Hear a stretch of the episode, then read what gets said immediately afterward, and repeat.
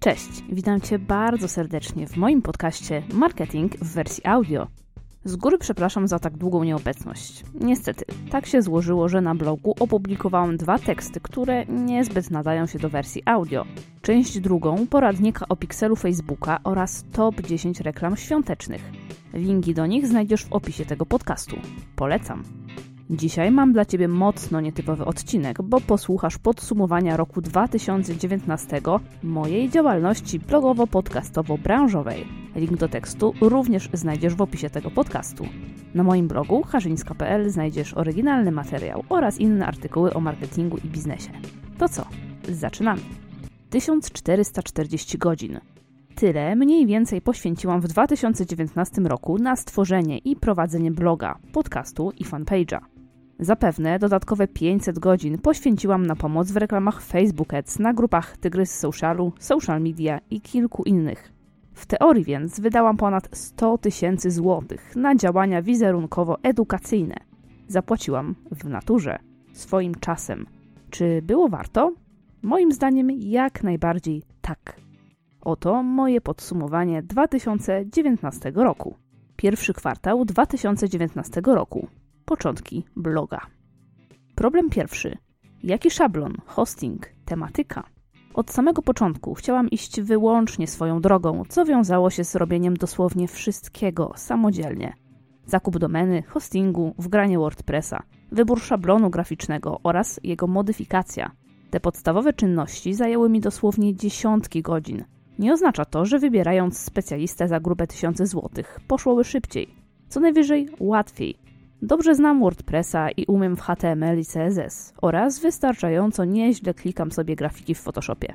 Tym, co jest najtrudniejsze na samym początku drogi, to wyklarowanie wizji, jak mają wyglądać poszczególne elementy strony oraz ogólna wizja jej rozwoju.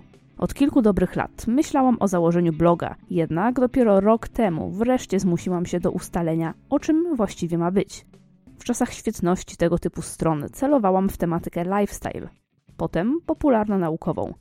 Wreszcie, po wypisaniu sobie wszystkich za i przeciw, wybór padł na bloga bardzo specjalistycznego. No dobrze, ale o czym konkretnie pisać? Lubię marketing i umiem go robić. Martwiły mnie jednak słowa wielu ekspertów content marketingu, którzy jak mantrę powtarzali, że należy wyspecjalizować się tylko w jednej niszy, a wszystko pozostałe porzucić. Rynek przecież chłonie jak gąbka właśnie takich ludzi, mistrzów w swoim fachu, a nie jakichś ludzi renesansu, jak podczas pewnej rozmowy rekrutacyjnej nazwała mnie pani z HR. To były naprawdę miłe słowa, które odrobinę pomogły mi w utwierdzeniu się w przekonaniu, że olać tych ekspertów. Idę własną drogą. Od zawsze byłam głęboko przekonana, że zamykanie się w bańce performance marketingu, content marketingu, influencer marketingu i tak przysparza więcej problemów niż korzyści. Wszystkie odnogi marketingu w końcu opierają się na dokładnie tych samych zasadach. Różni się jedynie sposób ich egzekwowania. Finalnie postanowiłam pisać teksty na tematy, które po prostu interesują mnie w danym czasie. W jednym tygodniu może być więc to Search Console, w innym znaczniki UTM, a w kolejnym poradnik Pixela Facebooka. Jak widzisz, swój plan zrealizowałam i trzymam się go do tej pory. Problem drugi. Jak go wypromować? Początki bloga były, no powiedzmy, takie sobie pod kątem liczb. Wiedziałam jednak, że tak musi być. Blogów marketingowych w Polsce są tysiące, jeśli nie więcej. Postawiłam więc na bardzo mocne SEO, oparte na maksymalnym wyczerpaniu danego tematu. Tyle i aż tyle.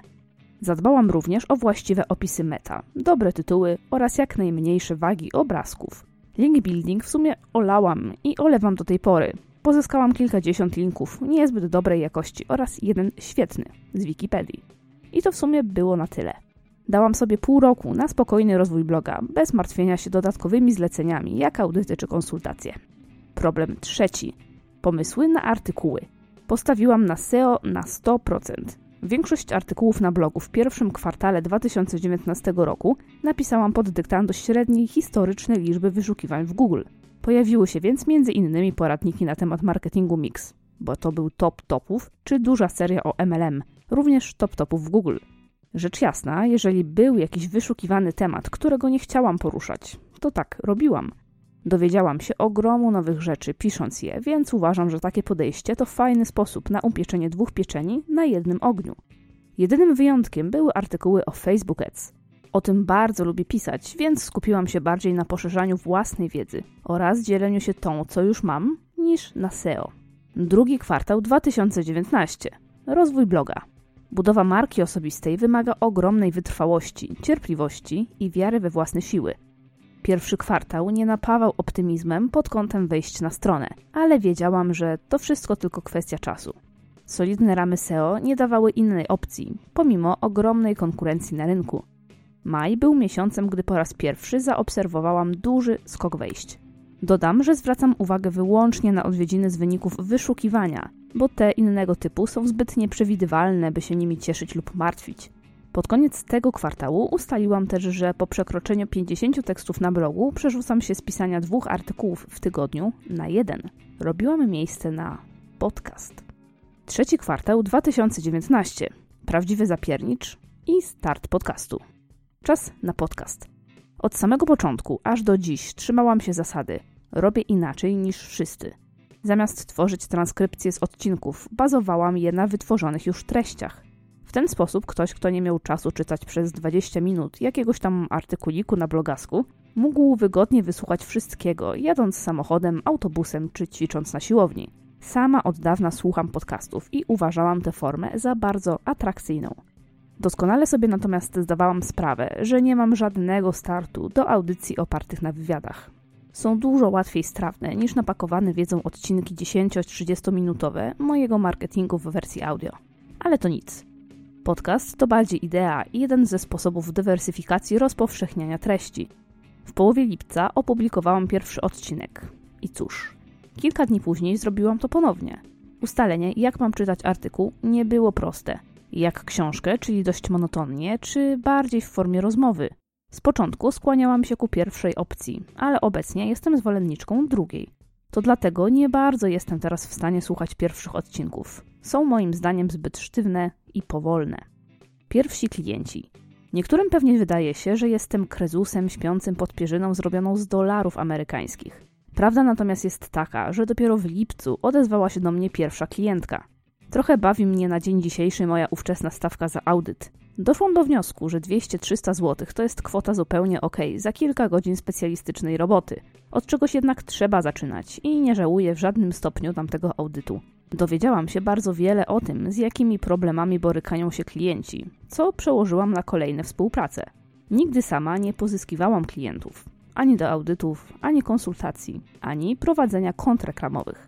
Nie mam danych dotyczących dosłownie każdego klienta, ale jestem przekonana, że w 80-90% przypadków pierwszym źródłem kontaktu ze mną były grupy na Facebooku. Budowanie marki osobistej jest niesłychanie czasochłonne, ale to właśnie doradzanie zupełnie za darmo powodowało, że wielu moich klientów, byłych, obecnych i przyszłych, zaufało mi, widząc jak na dłoni moją wiedzę. W takim przypadku wystarczy już tylko dopytać o zakres obowiązków. Rzadko kiedy w grę wchodzi jakikolwiek casting czy przebijanie się ceną, jak ma to miejsce pod postami ludzi, którzy szukają kogoś do wszelakich prac socialowych. Podsumowując więc ten krótki podrozdział. Dzielenie się wiedzą naprawdę jest kluczem do sukcesu. Do dziś czasem śmieję się w myślach z ekspertów, którzy jak meteor pojawiają się na grupach, pisząc, że oni doskonale wiedzą, jak rozwiązać kogoś problem.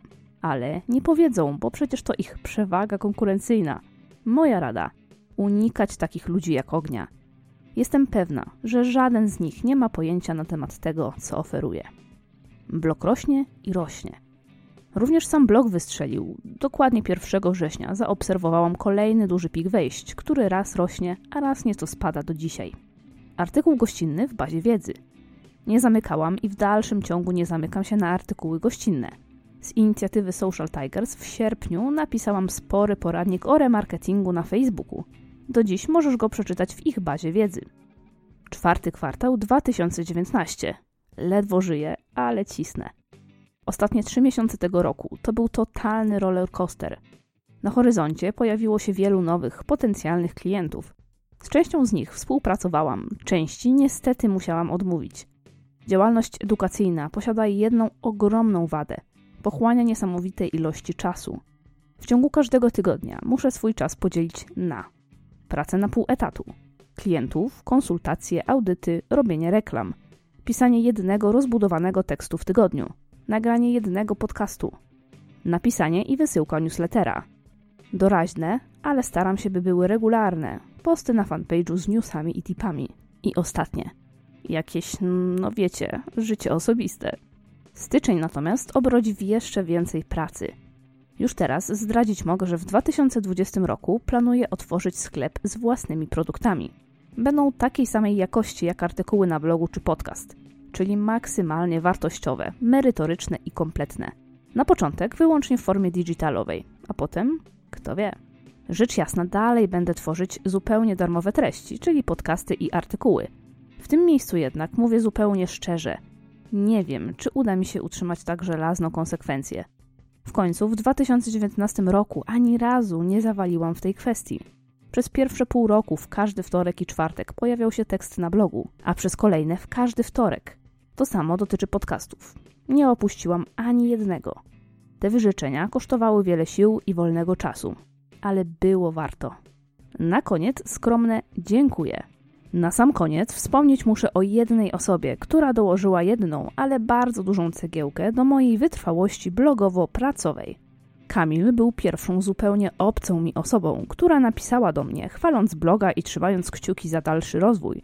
On też wielokrotnie wychwytywał drobne błędy na blogu czy w newsletterze, dzięki czemu mogłam je szybko poprawić.